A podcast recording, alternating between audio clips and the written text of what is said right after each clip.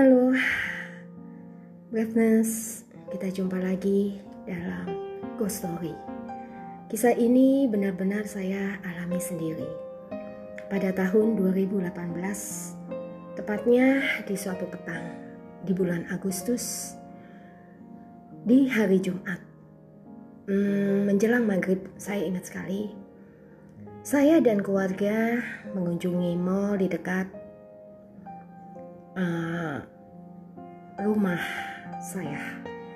Anda yang berdomisili di area Tangerang pasti tidak asing dengan Mall BK. Maaf, saya tidak dapat menyebutnya secara lengkap. Mall ini sejak dibangun memang sangat sepi pengunjung. Konsepnya sebenarnya cukup bagus dan unik, bergaya etnik lokal hanya karena mungkin masyarakat kita nggak terbiasa dengan konsep pedestrian mungkin juga karena material yang digunakan seperti marmer-marmer dan keramik yang bekas bongkaran rumah begitu guys. Atau penerangannya mungkin ya yang temaram. Overall semuanya nggak nyaman. Buat kaum milenial yang terbiasa dengan mall yang uh, ada sekarang ini terutama di bagian area restroom. Gelap, minim penerangan, dan letaknya benar-benar sangat di sudut. Kami sendiri sebenarnya paling tidak nyaman dengan area restroom.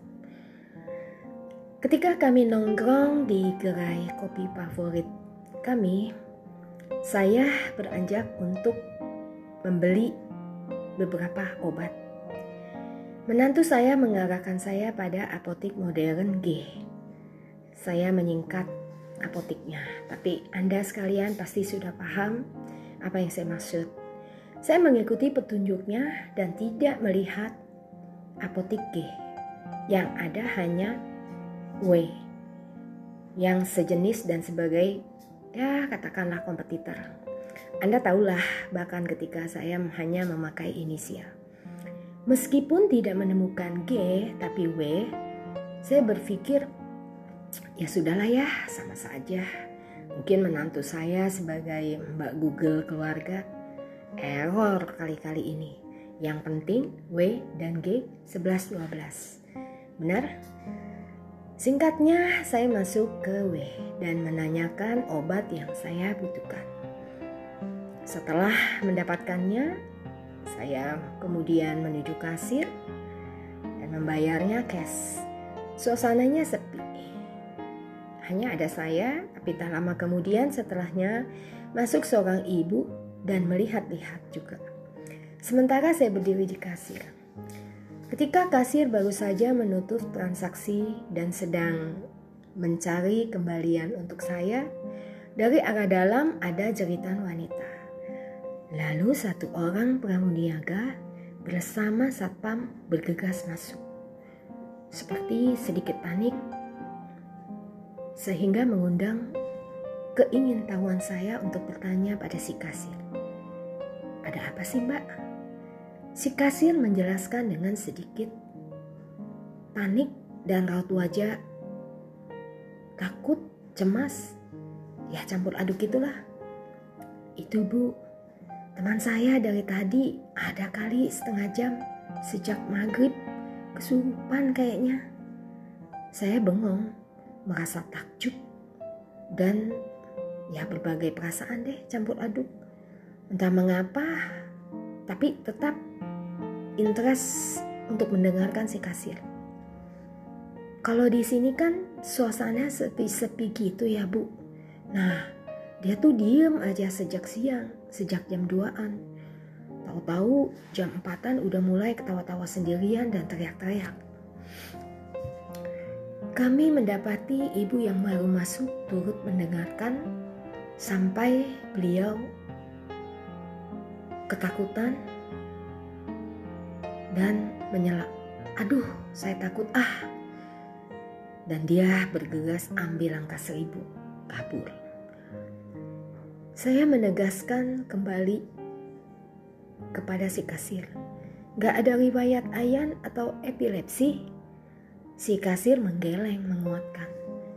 Enggak bu, tapi ini udah sering kejadian kesurupan begini di sini. Bulan ini aja udah dua kali ada yang kesurupan.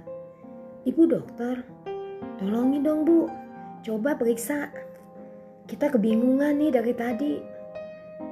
Si kasir antusias sekali memohon. Saya pikir sebentar lagi dia akan memaksa saya bahkan kalau perlu berlutut. Wow. Saya kaget sebelum dia melakukannya. Spontan saya menjawab. Enggak, enggak, saya bukan dokter. Kenapa nggak dipanggilin ustadz atau kiai gitu? Si kasir menjelaskan sambil tetap memasang mimik memelas. Udah bu, tadi siang. Tapi kata satpam, Pak Ustadz dan Kiai lagi pada sibuk, belum ada yang balik. Kalau Jumat emang biasanya nggak ada yang ada yang di tempat, Bu. Matanya benar-benar panik dan melas banget. Kepedulian membuat saya membatalkan untuk kabut juga. Akhirnya saya malah bertanya, boleh saya lihat?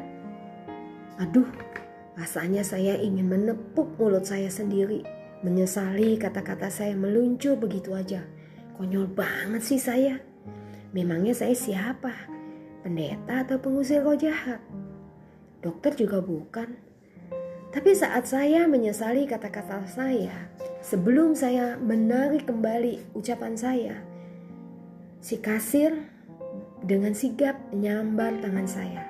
Lebih tepatnya menarik tangan saya sambil berkata, Oh boleh banget bu, tolong deh bu, kasihan kita juga udah pada bingung nih. Seolah takut saya kabur, sepertinya dia berpikir saya ahlinya. Dengan pergelangan tangan dicekal si kasir, saya menurut dibawa masuk. Aduh, horor banget deh. Saya sempat berpikir untuk kabur. Kaki saya sudah lemas tapi masih cukup kuat untuk mengambil ancang-ancang langkah seribu. Siapa sih yang gak ngeri melihat si setan dalam tanda kutip manifestasi? Dan benar saja, jantung saya langsung melorot begitu melihat pemandangan di depan saya. Rekan wanitanya tampak duduk di lantai dengan kaki mengangkang terbuka lebar. Rambutnya sebagian lepas dari hijab dan menutupi setengah wajah berantakannya. Mengerikan. Oh, my God. Bagaimana ini? Saya gemetar. Saya belum pernah berhadapan langsung dengan kondisi beginian. Kepanikan dan ketakutan bercampur dengan belas kasihan saya menguasai pikiran saya. berpikir kabur, tapi suara di dalam saya berkata, "Jangan takut, kamu maju, pegang tangannya." Kata saya dalam hati, "Tuhan, jangan main-main ah, bercanda." Tuhan kan tahu saya nggak pernah urusan yang beginian. Jangankan pegang tangan ya Tuhan, maju aja saya takut. Bagaimana kalau dia nomprok saya? Tapi saya tidak dapat mengendalikan diri saya dan saya maju juga sambil terus mendengarkan suara dari dalam seperti terhubung dan ada yang memandu. Saya berbicara dari dalam jiwa saya. Tuhan, saya lakukan apa yang Tuhan suruh. Tolong tapi jangan tinggalin saya. Saya nggak mau Tuhan mempermalukan Tuhan karena kelemahan saya. Jadi tolong ada di sisi saya, please. Lalu seketika itu hati saya tenang dan merasa keyakinan yang maha kuat mengambil alih. Tenang saya maju dan memegang tangan Simba yang kerasukan. Saya minta izin rekannya yaitu si kasir untuk mendoakan dalam agama yang berbeda. Saya menjelaskan bahwa saya Kristen karena saya melihat korban berhijab. walaupun sudah nyaris lepas hijabnya. Tetap saja saya harus menghormati kepercayaan mereka. Anehnya, ketika tangan saya menyentuh tangannya, ia berhenti berontak dan terkulai lemas dengan tatapan beringas yang melayu. Amazing. Kondisi yang berubah ini menjadi tenang, damai, dan saya percaya diri bahwa Tuhan di sisi saya sedang menalukan roh jahat ini. Seperti seorang anak yang didampingi bapaknya, saya benar-benar percaya diri dan merasa tenang. Ketakutan tidak lagi menguasai jiwa saya. Mantap saya menatap dia sambil menggenggam kedua tangannya. Mbak, berdoa pada Tuhan dengan agama dan kepercayaan yang Mbak yakini.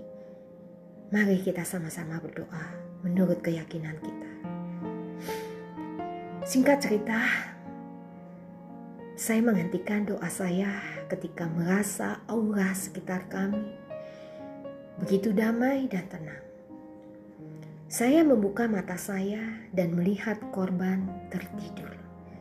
Nafasnya teratur dan dua rekannya menarik nafas lega.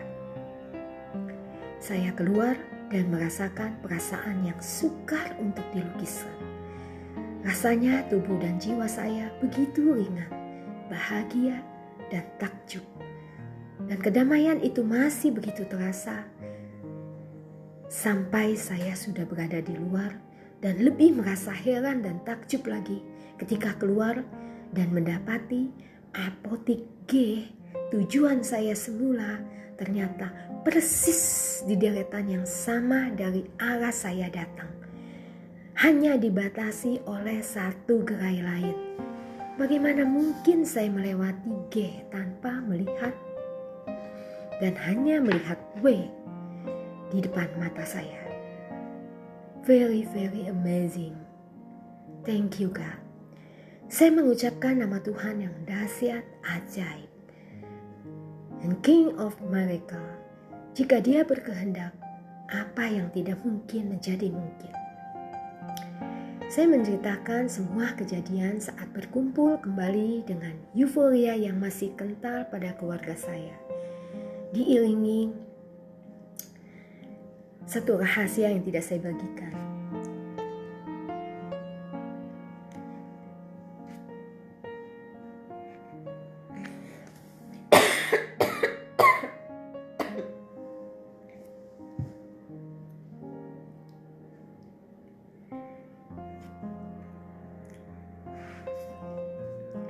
Bin, ternyata bukan E Bin yang keliru soal lokasi G, melainkan mata mama dibutakan. Sementara karena Tuhan ingin mama gawe.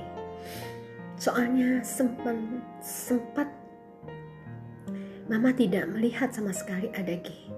Padahal itu persis ada di sebelah W. Tapi benar-benar jika saya harus mengulang, saya tidak akan berani kecuali benar-benar dalam kondisi dipimpin oleh Tuhan. Ada kalanya rencana kita dibelokkan oleh Tuhan karena Tuhan punya visi dan misi untuk kita.